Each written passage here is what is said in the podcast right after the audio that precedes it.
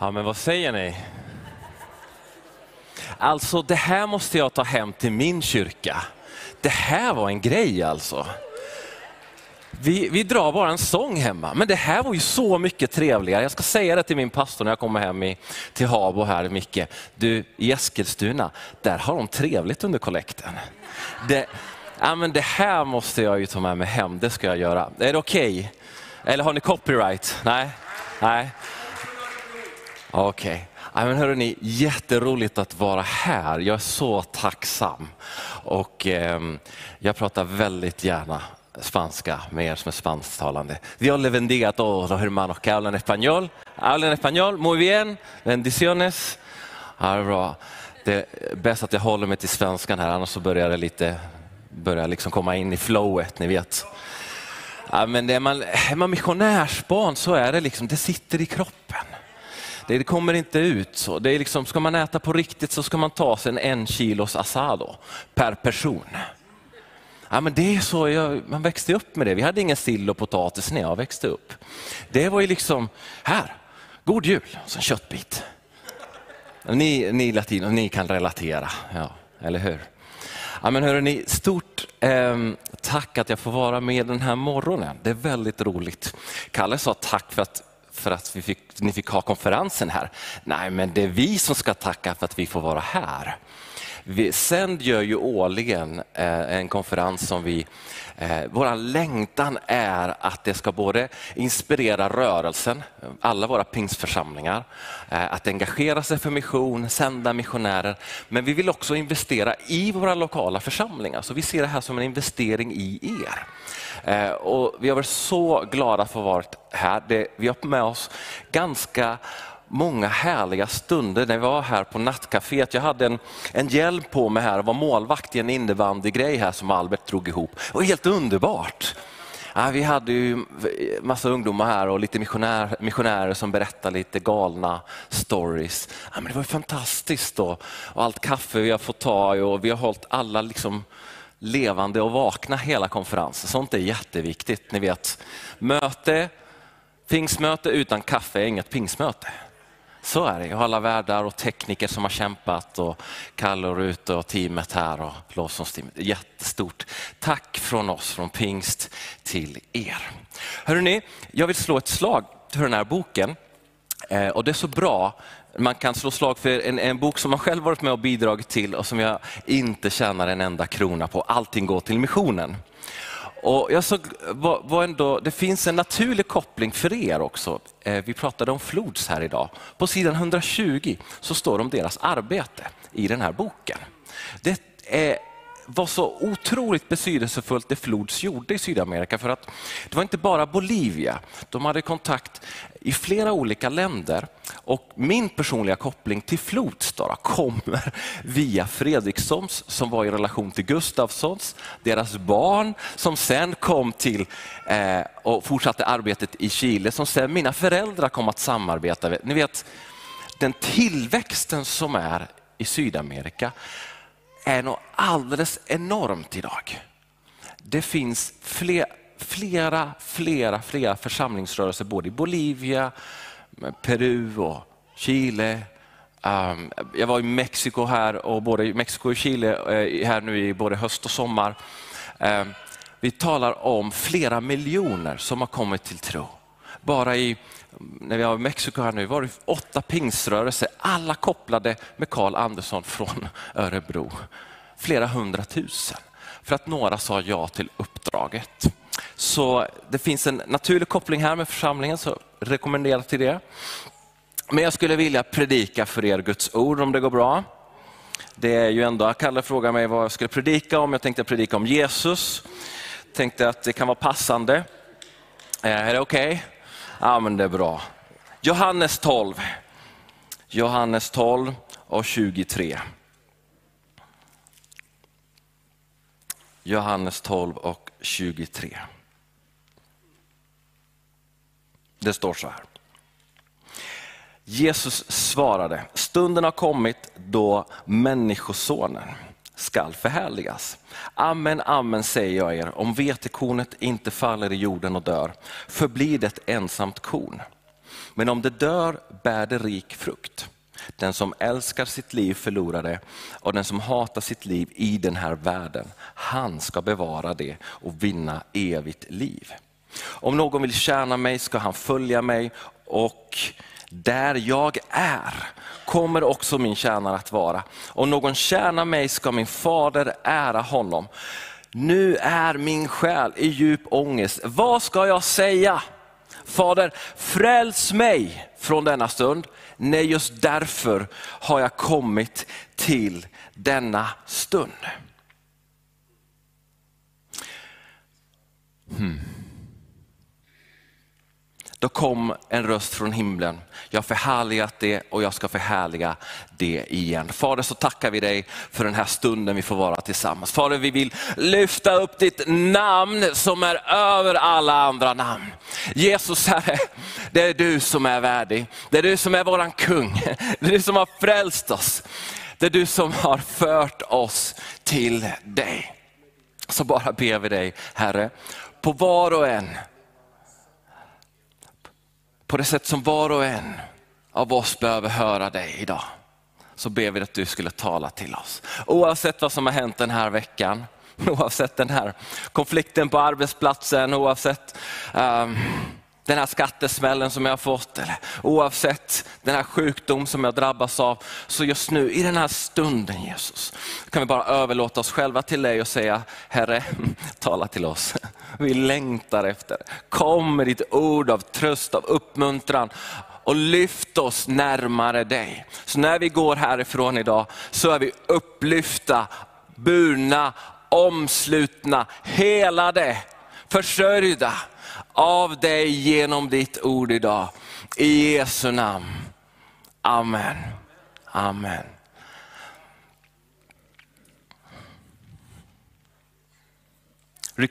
Richard Baxter säger så här, predika som om du inte skulle predika igen. Jag försöker leva på det mottot. Jag gillar det, det är ju någonting. Jag kommer ihåg, jag var i 20-årsåldern, var ute på en av inte min första missionsresa, då, min första missionsresa då var jag tre år gammal. Jag, liksom, man föddes med det nästan. Um, men det första missionsresan som jag var iväg på egen hand. Eh, och jag fick nåden att vara tillsammans med en indisk pastor eh, under en period, under ett antal månader och, och tjäna tillsammans med honom och lära mig honom, lära mig av honom. Eh, dela det, den börda som det är och den utmaningar som, som han stod i hans tjänst. Um, och göra alla de här misstagen som man behöver göra när man är ny i fältet. Så kom vi dit och, och det jag märkte under den här tiden, uh, det var det att utan Gud så kan vi klara ganska bra. Men med Gud då sprängs alla gränser. Jag kommer ihåg, jag hade inte mer än varit ett par veckor där så blev jag väldigt sjuk. Ah, fick en form av malaria som var väldigt svår. Jag vet inte hur bekant ni är med den sjukdomen, men den är inte så rolig om man säger så. Jag skulle inte önska den någon. Ah, och där jag låg där på det jordgolvet, mitt ute i ingenstans, fanns ingen sjukvård att få tag i. Så tänkte jag, Herre, är det här det du har kallat mig till att göra? Dö här ute på vischan. Ingen vet vart vi är. Hur är det med din kallelse egentligen? Herre, vart är du? Och i den stunden, när jag låg där i hög feber på golvet, människorna omkring för mig bad för mig givetvis och de var förtvivlade, så kom Guds ande. Och Guds ande var så påtagligt så att jag nästan kunde ta på det. Sen minns jag ingenting de kommande tre dagarna. Utan det jag kommer ihåg, det är att ett par dagar senare, det här var på en måndag, på fredagen, så reste jag mig upp igen, några kilo lättare får jag erkänna. Lite svag, åt och var frisk. Och det var ju Jesus som gjorde ett under. Och då tänkte den här indiske pastorn, ja men jättebra, nu är du frisk. Då predikar du på söndag. Så, man kan ju bara älska honom. Alltså. Jag lärde mig väldigt mycket av honom. Uthållighet bland annat. Han hade en regel, här säger vi inte nej. Jag, bara, jag har levt av det sedan dess. Så sa han så här, predikar du på söndag? Ja visst. Så åkte vi dit, då, det är ett nytt ställe och började predika. Och, jag är tacksam att det fanns inget internet och Youtube och Facebook för det var ju bedrövligt. Alltså jag skulle inte bli inbjuden till Eskilstuna igen om jag höll den predikan här nu. Man var ju grön, va? inte visste jag så mycket då i 20-årsåldern. Det får jag ju erkänna. Men jag tänkte, i min enfald så tänkte jag, ah, men det här ska jag, nu när Jesus har gjort mig frisk, då har han ju kallat mig. Jag ska fixa det här. Men stolthet kallas det för det. Det är stolthet. Och så kommer den här bedrövliga predikan om att gå på vatten och sen sjö. Det hängde inte ihop. Men så tittade jag ut över alla de här människorna. Det var väldigt många människor. Och så såg jag lama, blinda, sjuka barn. Och så tänkte jag, Jesus, förlåt mig. Här tänkte jag fixa till någonting. Vad håller jag på med? Om inte du kommer nu så kommer de här människorna inte få någon hjälp. Det finns ingen sjukvård här, de har inte råd att resa in till någon större stad. Misären var utbredd. Jesus kom och gör någonting. Nu! I det ögonblick så bara uppfylls den platsen med Guds ande. Och jag bara, da! Vad händer? Jag tänkte, jag är uppvuxen på missionsfältet, men det här har jag aldrig varit med om. Jesus, vad gör det för någonting? Det han är bäst på såklart. Vi börjar att lägga händerna på första personen och en förlamning släpper i benet och börjar gå igen. En blind får sin syn tillbaka igen. Och sen hinner vi inte lägga händerna på människor för de börjar bli friska allihopa. Och så tänker jag, ja, här behövdes inte det heller par år senare, sju år senare, så är min son sju månader gammal.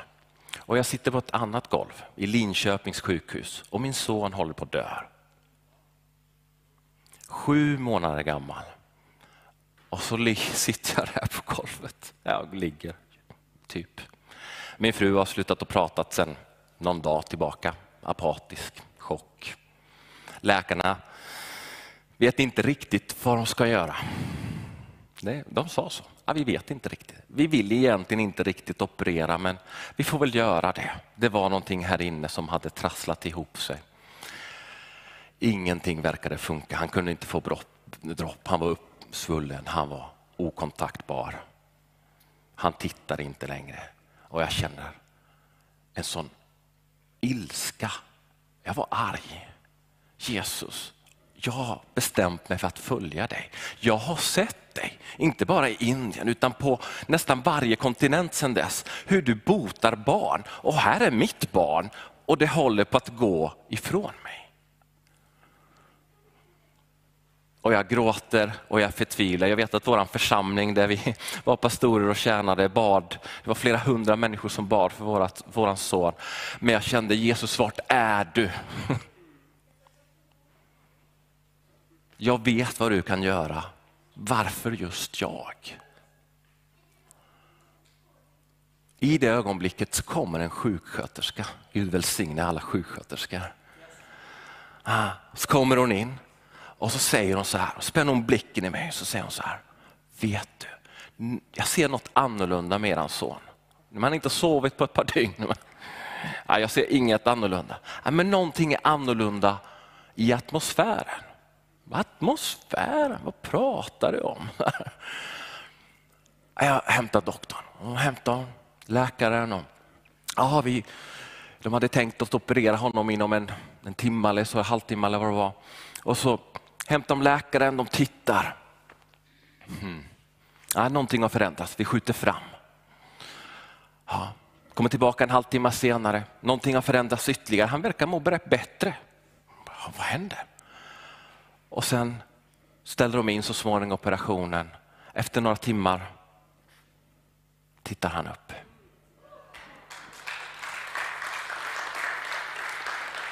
Jag har ingen förklaring varför bönesvaret dröjde.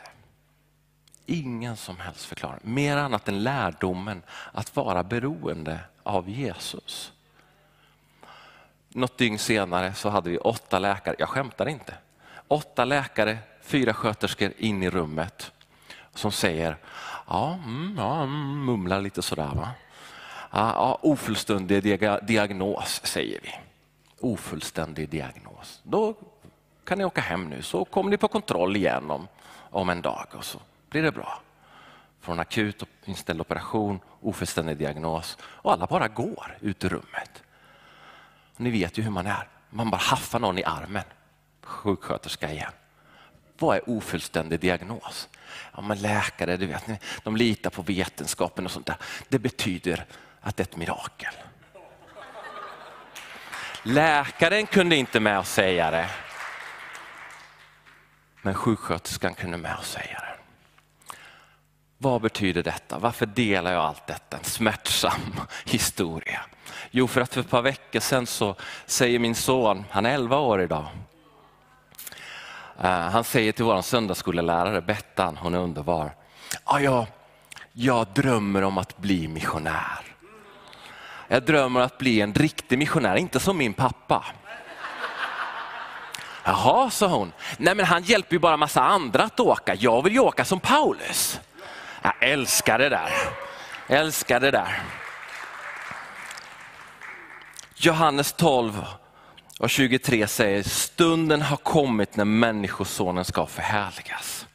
C.S. Lewis tydliggör i, i The Four Loves att när en vän dör så är de som är kvar mindre av varandra. Föreställ dig att du har tre vänner uh, och en är borta. Då är det någonting som saknas. Vi tänker att vi skulle få mer tid i varandra, de två som är kvar. Men så är det inte. Någonting kommer att vara saknas i våra liv. Jesus leder inte våran kultur. Han vill inte avgöra vilken typ av personer vi ska vara i den bemärkelse eller som samhälle. Utan han vill att vi ska lära oss bara att tillbe honom bättre, att komma honom närmare honom. Och han kan använda varje situation för att dra oss närmare honom.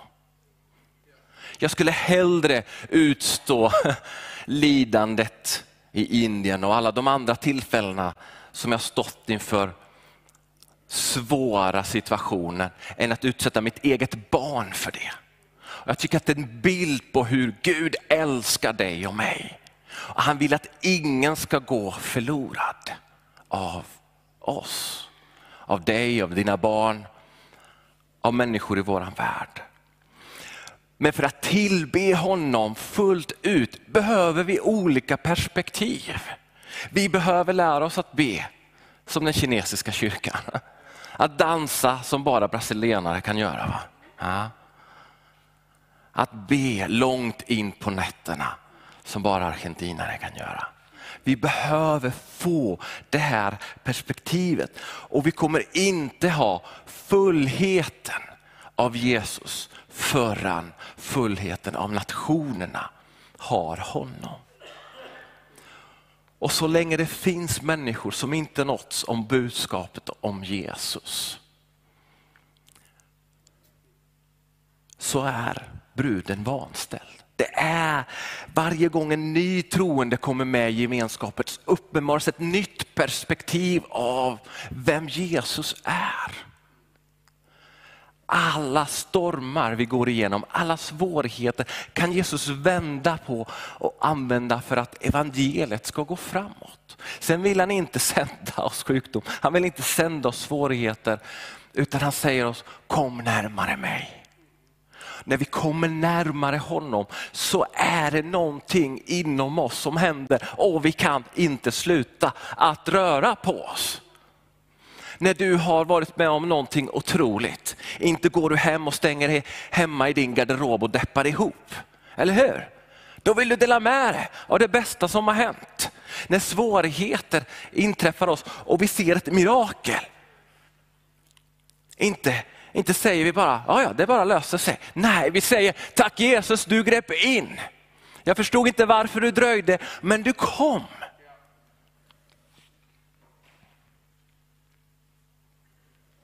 Ju mer Jesus uppenbaras för mig, ju mer han uppenbaras, ju starkare relation du har med honom, ju närmare du kommer till honom, desto mer ökar möjligheten för andra att höra talas om vem Jesus är.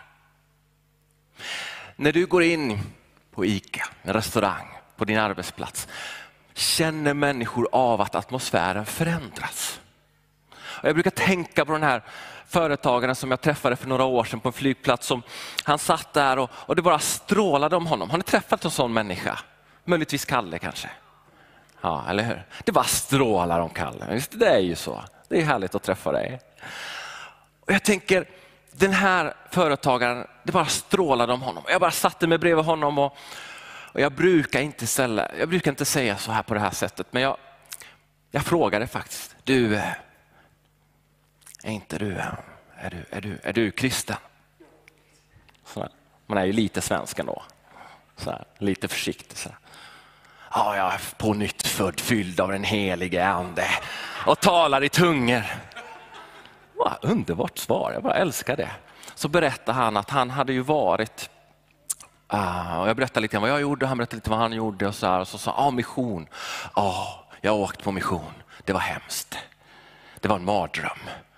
Jag håller på, ah, nej, jag var i någon hydda någonstans i Afrika. Det var fruktansvärt. Jag vill aldrig mer åka ut. Men så, så frågar jag Gud, Gud, men vad är min del i det uppdrag som, som du har? Och så sa han, jag är ganska bra på business. Jaha, sa jag. Ja, det går ganska bra för mig. Ja, just nu så underhåller jag 18 missionärer. Ja, då går det ganska bra för dig. Ja, ja jag sa det till min pastor här. Eh, ni, ni får ta hand om det här. Jag, jag äger ingenting, men det här är min del i uppdraget. Aha, vad gör du mer då? Nej, jag ber alltid innan varje styrelsemöte. Han kommer in på de här rummen som ingen, varken du eller jag, kommer ens i närheten av. Och när inte han ber innan ett styrelsemöte, då säger de, Hörru, du gör Jesus-grejen. Det blir mycket bättre möte då. Så sitter han i bordet där med människor som sitter kanske på miljoner, på mycket stort inflytande. Och så använder honom, använder Jesus honom det han är. Han utsatte sig själv, som han sa det, för Afrika. Det var inte hans grej. Men då sa han, om inte jag åker, vem ska jag sända i mitt ställe? Och han kände, ja, just nu är det 18 stycken. Nästa år kanske det är 19. Intressant tanke.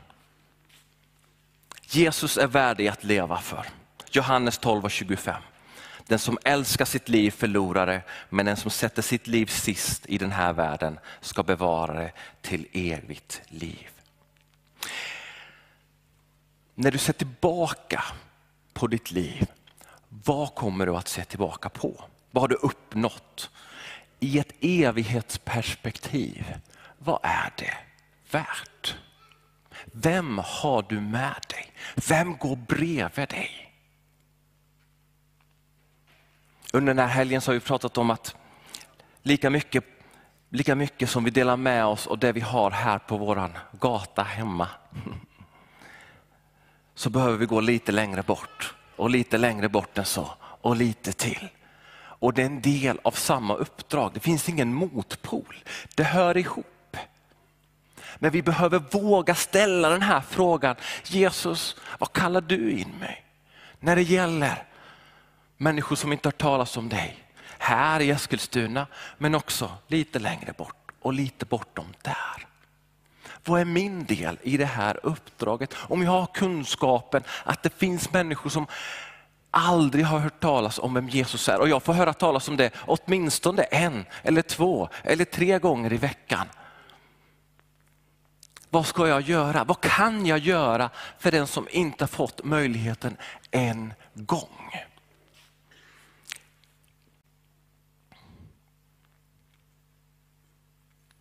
Jesus är värt att ge sitt liv för. Om någon vill tjäna mig ska han följa mig. Och där jag är ska också min tjänare vara. Om någon tjänar mig ska Fadern ära honom. Nu är min själ i ångest. Vad ska jag säga? Far fräls mig från denna stund. Nej, det är för denna stund jag har kommit. Far förhärliga ditt namn. Då kom en röst från himlen. Jag har förhärligat det och jag ska förhärliga det.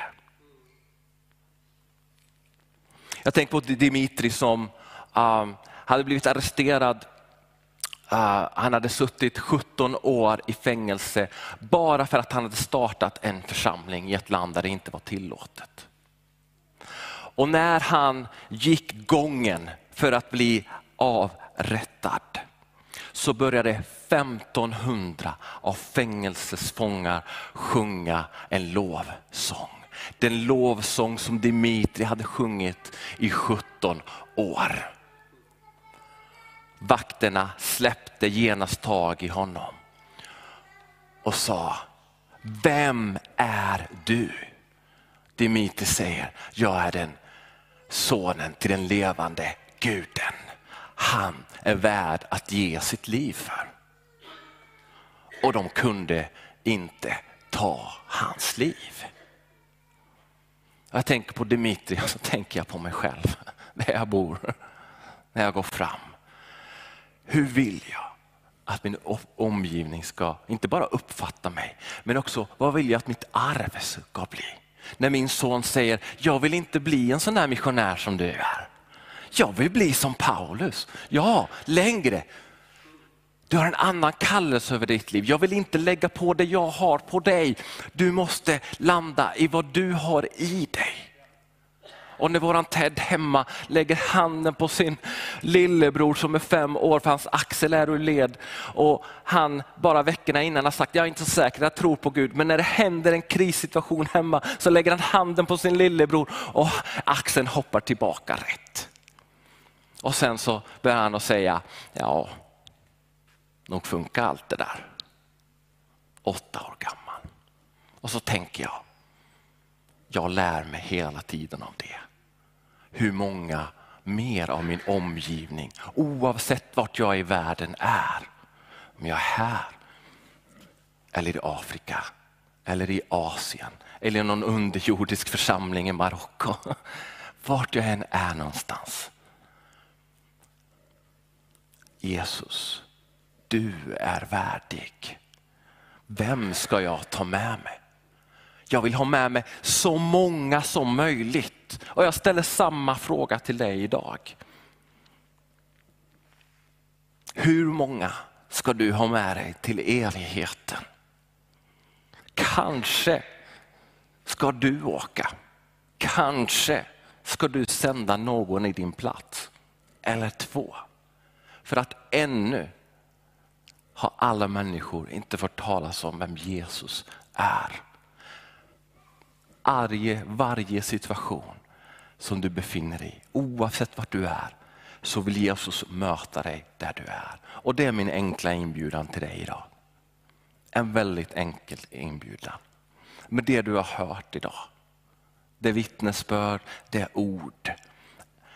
Det är inte så att Jesus säger att vi söker efter döden eller martyrskap, utan Jesus säger vi söker att gå bort från det som är vårt eget ego, från oss själva och säger låt oss leva vårt liv, utgivande liv för andra. För vem kan du leva ett utgivande liv? För vem kan du ta med dig? Idag, i eftermiddag, imorgon, om ett år. Det är den enkla. Låt oss, låt oss bara få stå upp tillsammans nu en liten stund bara söka Gud tillsammans och be tillsammans. Och bara säga, Herre här är jag, jag längtar efter ditt tilltal. Det vi har talat om den här helgen har varit just detta, kallade till nationerna. Men vi är också kallade först och främst att ha en relation med honom. För att det är han som är värdig vår lovsång, vår tillbedjan. Vi kommer gå igenom svåra stormar, men han kommer att gå med oss. Lyfta oss upp omsluta oss på alla sidor och bära oss fram. Och medan vi går, vem kommer gå bredvid oss? Här och lite längre bort. Herre så tackar vi dig för den här morgonen. Vi bara tackar dig Jesus för det, för ditt ord. Att vi kan få vara fullständigt, Herre. Leva ett liv fullständigt i tacksamhet till dig. Och just nu så bara ber vi att du skulle tala till var och en av oss på det sätt som, som vi behöver ditt tilltal idag. Och på den här frågan, Herre, vad är det du kallar mig till? Vad är det du kallar oss till som församling, som gemenskap, som individer? Och våga ställa den här frågan, Herre, kanske kallar du mig? Kanske ska jag gå? Kanske jag varit bunden av rädsla och fruktan av vad andra ska tycka.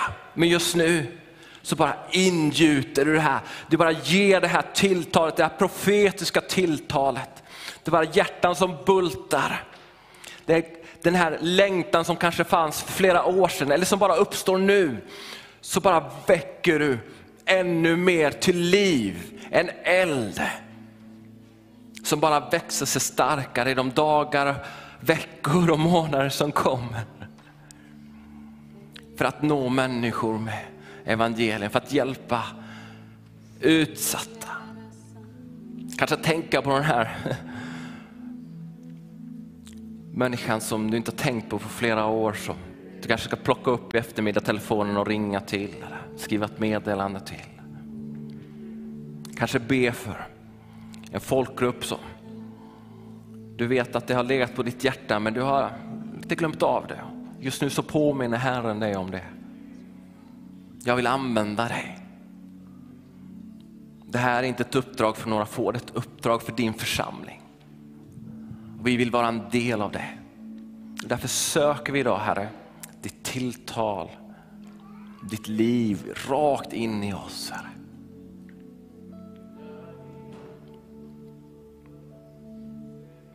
Herre, här är vi. Tala till oss.